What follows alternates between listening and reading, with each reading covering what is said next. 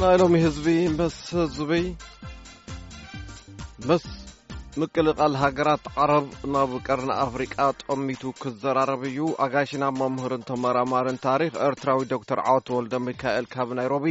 ኣብ ፖለቲካ ሚድያን ሲቪካዊ ማሕበርን ዝሳተፍ ናይ ፒኤችዲ ትምህርቱ ኣብ ምክትታል ዝርከብ ኢትዮጵያዊ ኣቶ ኣሉላ ሶሎሞን ካብ ዋሽንግተን ዲሲ እዮም ገብረ ገብረ መድህን ኣዘራሪብዎም ኣብዚ ከባቢ ኣንጸላልዩ ዘሎ ሓደጋ ድርቅን ጥምየትን ከምኡ እውን ሕቡራት ዓረብ ኤምረትስ ኣብ ወደብ ዓሰብ ወተሃደራዊ መደብር ምኽፋታ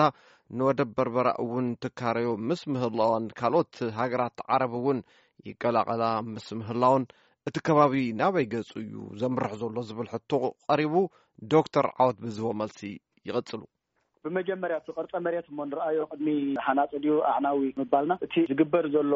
ቁጠባዊ ወፈታት ዲኻ ክትብሎ ወተሃደራዊ ምትእትታዋት ዝመስል ሓውሲ ምትፍናን ዘለዎ ሃዋሁ ንረብሓታት ናይዚ ዞባ እዚ ህዝብን ሃገራትን ንምቕዳምን ንምዕባይን ፀጥትኦም ንምርግጋእን ዘይኮነ ረብሓታት ናይተን ዝኣትዋ ዘለዋ ሃገራት ናይ ሕጂን ናይ ነዊሕን ዘረጋግጽ ናይ ሕጂ ዘሎ ጸጥታዊ ኣገዳስነተን ንምትግባር ዝጥቀማሉ ዘለዋ ምትእትታው ኮይኑ ይስማዕኒ ኣነ ብፍላይ ሕጂ ንኣብነት ስዑዲ ዓረብ ኢማራት ቀጠር ኣብ የመን ዝገብርኦ ዘለዋ ወታደራዊ ስርሒታት በዚ ኣብ ኤርትራ ዘሎ መደበርን በዚ ሕጂ ኣብ በርበራ ንክግበር ተሰማሚዖምሉ ዘለው እዩ መንግስቲ ሶማሊላንድ ምስ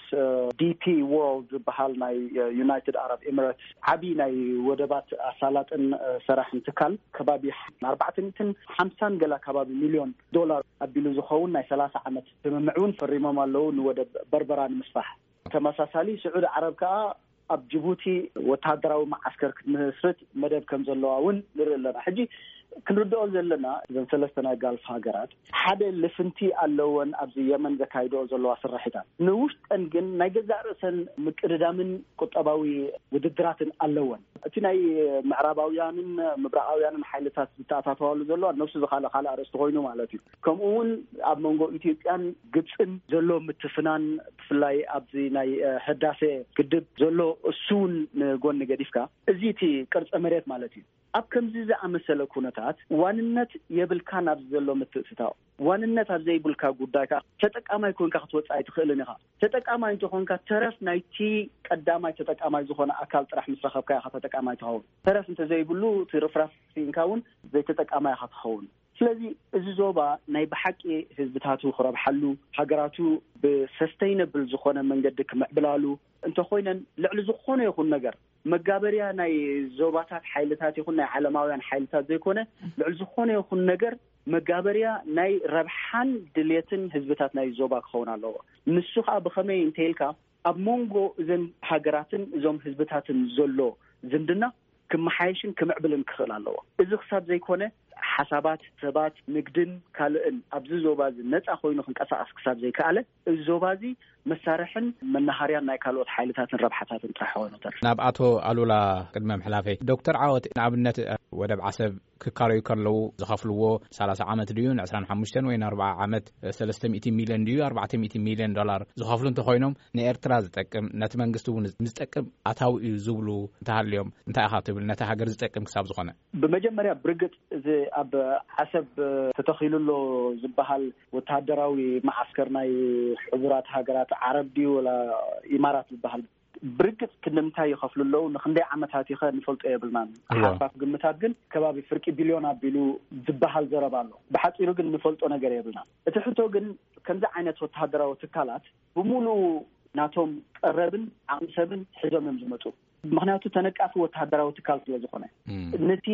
ተካርዮም መሬት ጥራሕዮም ዝኸፍልካ ብዓይነት ድዮም ክኸፍልካ ብገንዘብ ክኸፍልካ ከ በብስምምዕካ መሰረት ማለት እዩ እዚ ዝመፅእ ገንዘብ ከም ግቡእ ጠቓሚ ክኸውን ይኽእል እዩ። እቲ ሕቶ ግን ንመን የገልግል ስለ ዘሎ እዚ ወተሃደራዊ ትካል እዩ። ኣብ ርሑቕ ኣይኮነን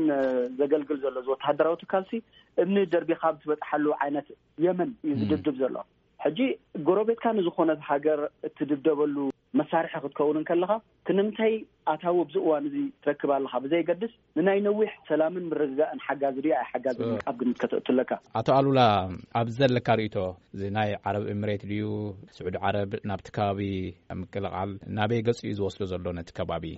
እዚ ሓደጋ እውን ኣለዎ እቲ ምምፀን መቸም ብወተሃደራዊ ጥራሕ ስለ ዘይኮነ ገለገሊኤን ኣብ ኢትዮጵያ ንኣብነት ብኢንቨስትመንት እውን ዝኣተዋ ስለ ዘለዋ ተደጋጋሚ ጉዕዞታት ተካይዱ እዩ ናይተን ሃገራት መራሕቲ እውን ናብ ኢትዮጵያ መፅኦም እዮም ቀዳማ ሚኒስቴር ሃይለማርያም እውን በዚ ዝፍጠር ናይ ወታደራዊ ምንቅስቓሳት ዝፈጠረሎም ስግኣት እዩ ሓደ ነገር ክብል ይኽእል እዩ ዝትንትን ሰብ። ተወሳኺ ግን እዘን ሃገራት እዚአን ብሰፊሑ መዋእለ ንዋይ ኣለወን፣ ሃፍቲ ኣለወን ብጣዕሚ ምስቲ ናይ ባዕለን ሃገር ዘለወን ጸጋታት ዘሎ ሕጽረት ኣብ ግምት ብምእታው ነቲ ሃፍቲ ተጠቒመን ኣብ ካልኦት ሃገራት እውን ኢንቨስት ይገብራ እየን። ስለዚ ብኢንቨስትመንት እውን ዝኸዳ ሃገራት እየን ጥራሕ ወታደራዊ ካምቦ ብምህናጽ ዝናበራ ሃገራት ጌርና ኣይንውሰደን። ኣበይ ኣብ መን ወተሃደራዊ ካምቦ ይሃንጻ ኣብ መን ከኣ ኢንቨስትመንተን መዋእለ ንዋየን የፍስሳ እዩ ሕጂ። ሕዚ እዚ ብ ግምት እእቲና ነተን ብኢንቨስትመንት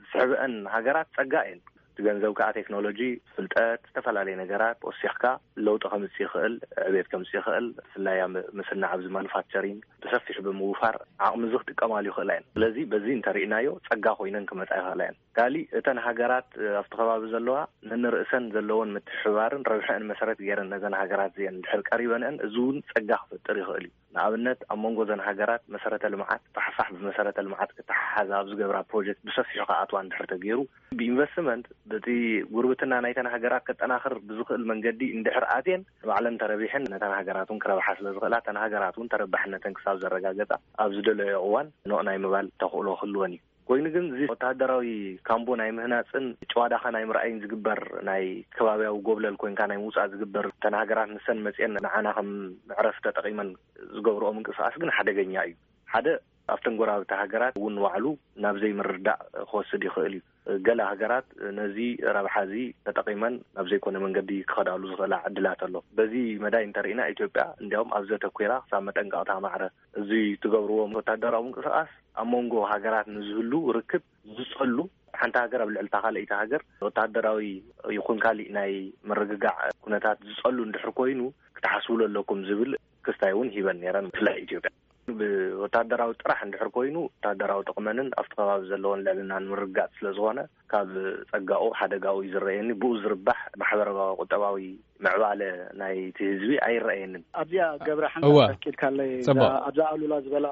እዚኣ ሓንቲ ኣገዳሲ ዘምፃኣ ነጥብላ ኣሉላ እሳኻ እንታይ እዘን ሃገራት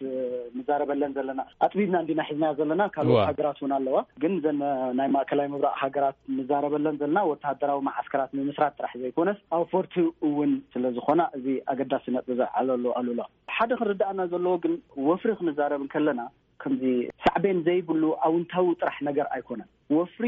ኣብ ዙርያ ሓደ ማሕበረ ቁጠባውን ፖለቲካውን ጸጥታውን ሃዋሁ ዘጋጥም ናይ ገዛእ ርእሱ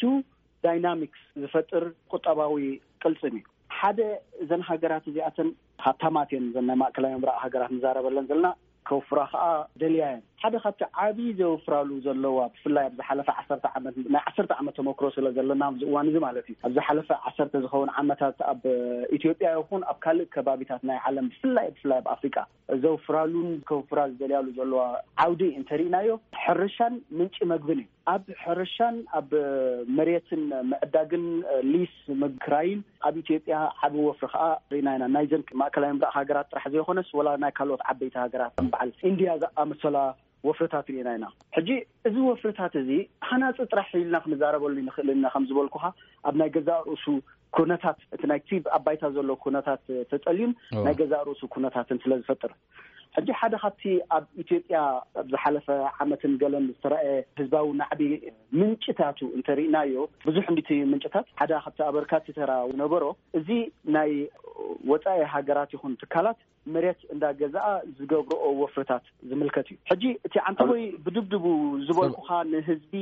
ዘቐደመን ንውሽጢ ዝዓለመን ክኸውን ኣለዎ ዝብል ሕጂ ንዚ እውን ዝምልከት ነጥቢ እዩ ንምባል እያ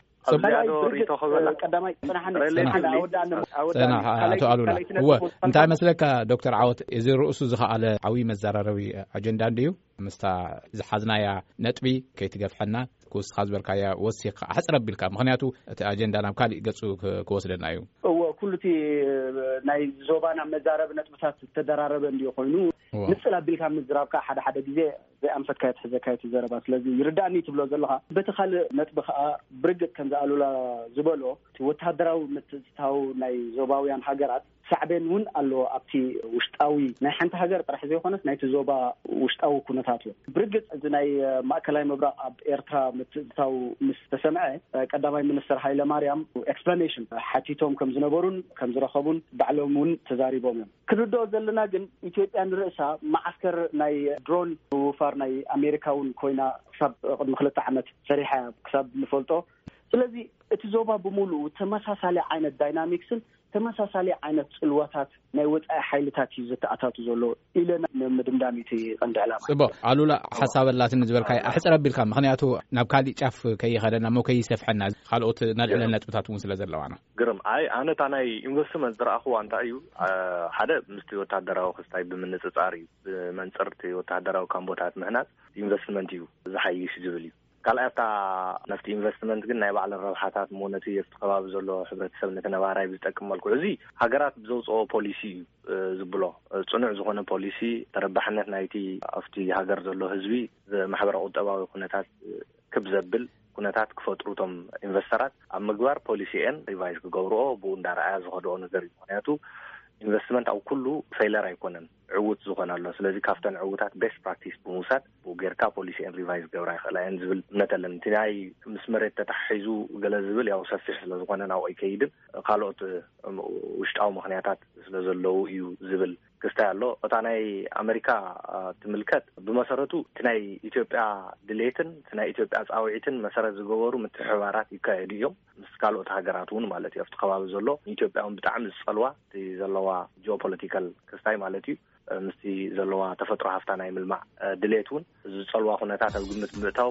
ፖሊሲ ዲዛይን ገይራ ምስ ኩለን ሃገራት ዘተሓባብር ኣካይዳ እዩ ዘለዋ እሞ ብፍሉይ ንኣሜሪካ ጥራሕ ኣይኮነን ክብል ይደሊ ይቐኒለ ዶክተር ዓወትን ኣቶ ኣሉላን ኣዚና ነመስግን እቲ መደብ ኣይተፈፀመን ዝመፅእ ሰሙን ክቕፅል እዩ ገብረ እውን ከምኡ ነመስግን